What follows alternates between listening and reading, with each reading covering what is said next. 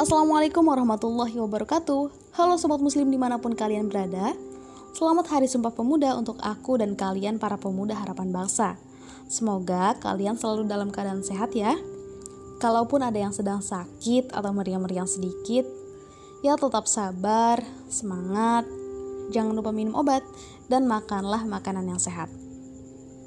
Oh iya, tak kenal maka tak peduli Eh, salah Maksudnya tak kenal maka tak sayang.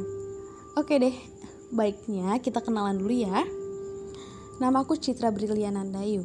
Teman-teman boleh panggil aku Citra, Mbak Ayu atau Mbak Cit juga boleh. boleh dong kita temenan dan follow-followan Instagram di @citra.brilian. Nah, di sana teman-teman boleh mengirimkan pesan berkaitan dengan cerita inspiratif, keluh kesah yang kalian rasakan, hmm, atau tema menarik apa aja deh yang nantinya akan kita obrolin melalui podcast-podcastku selanjutnya. Insya Allah.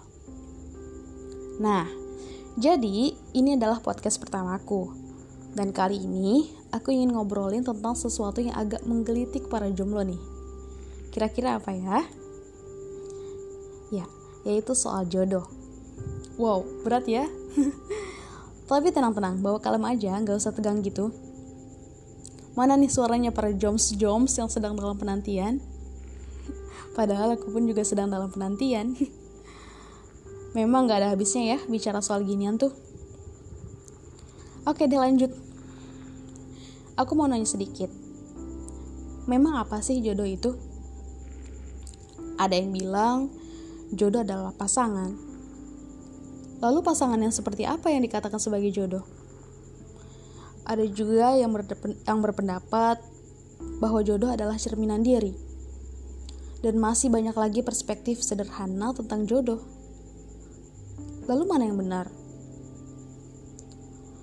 Aku menganggap semua jawaban itu benar. Nah, dalam Islam, jodoh itu diartikan sebagai sesuatu yang sudah dituliskan Allah Subhanahu wa taala di Lauhul Mahfuz.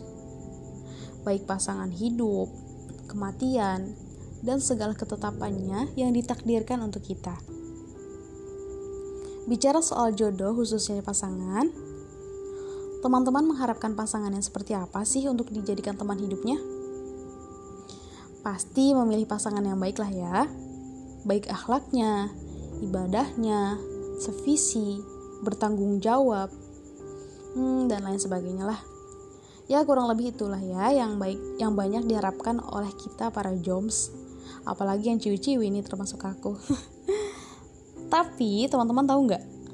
Harapan-harapan yang demikian perlu diimbangi dengan usaha-usaha yang harus kita lakukan. Jadi nggak instan, nggak instan langsung kita terima. Itulah yang kemudian dikatakan sebagai jodoh adalah cerminan diri. Jadi, menurutku, seberapa berusahanya kamu untuk memperbaiki diri sebelum nantinya dipertemukan dengan pasangan yang pas denganmu. Nah, sama halnya seperti rezeki, jodoh juga harus perlu ada ikhtiar dan doa. Jemputlah dengan jalan yang halal. Seperti itu kira-kira. Hmm, oh ya, Aku pernah dengar kisah tentang seorang pemuda yang sangat menjaga agar tidak memasukkan sesuatu yang subhat atau belum diketahui asal-usulnya ke dalam tubuhnya.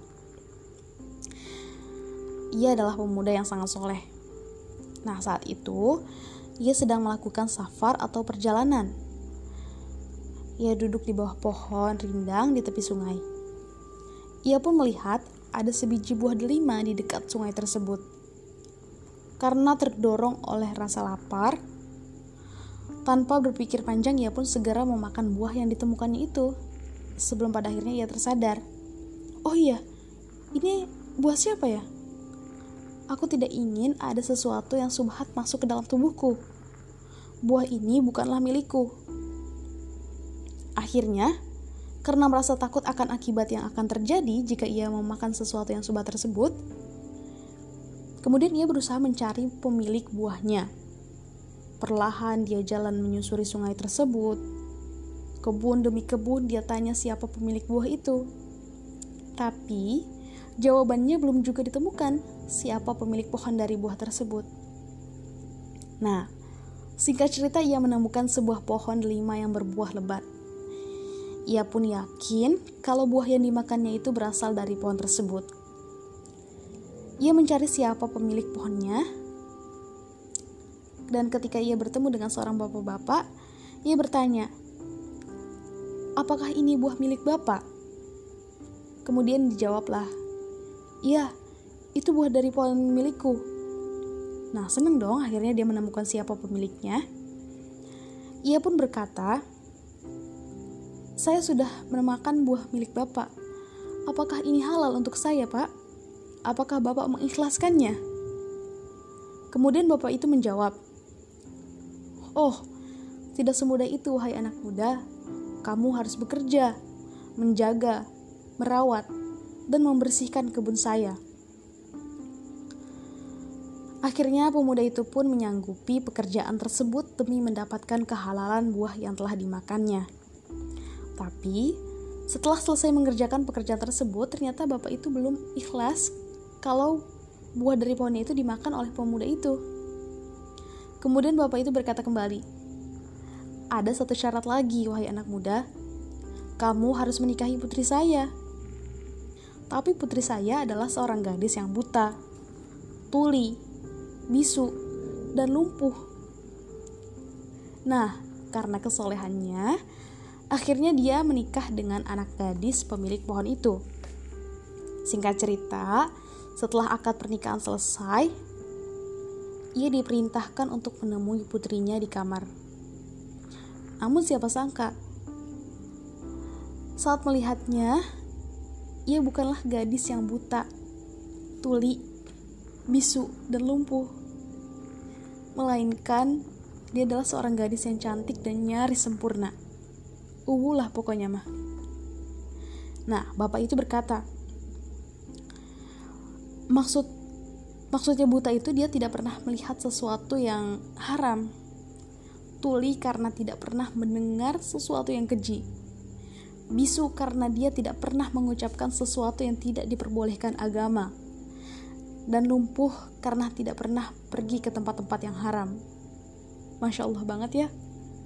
Nah, dari pernikahan itulah yang kemudian melahirkan seorang anak yang kelak menjadi seorang ulama besar yang bernama Imam Syafi'i. Hmm, itulah sedikit kisah dari pemuda yang menjadi ayah dari imam besar tersebut, Idris Asy-Syafi'i.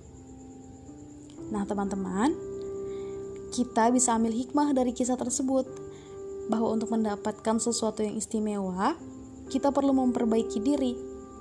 Perbaiki apa yang dimakan, diminum, diucapkan, perbaiki perilaku kita sehari-hari. Ya, intinya banyak perbuat amal soleh yang bisa menjadi wasilah kita untuk nantinya dipertemukan dengan sesuatu yang baik juga. Hmm, aku pikir ini juga sebagai peringatan untuk diriku sendiri. Ternyata masih banyak yang harus diperbaiki. Semoga teman-teman dipertemukan dengan jodoh impiannya ya. Amin ya robbal alamin. Oke deh, sekian dulu dari podcast pertamaku ini. Mohon maaf sekali karena di podcast pertamaku ini banyak banget kekurangannya. Semoga teman-teman bisa ambil manfaat ya dari apa yang udah disampaikan tadi. Akhir kata, aku ucapkan terima kasih untuk teman-teman yang udah dengerin sampai akhir. Bahagia selalu guys. Wassalamualaikum warahmatullahi wabarakatuh.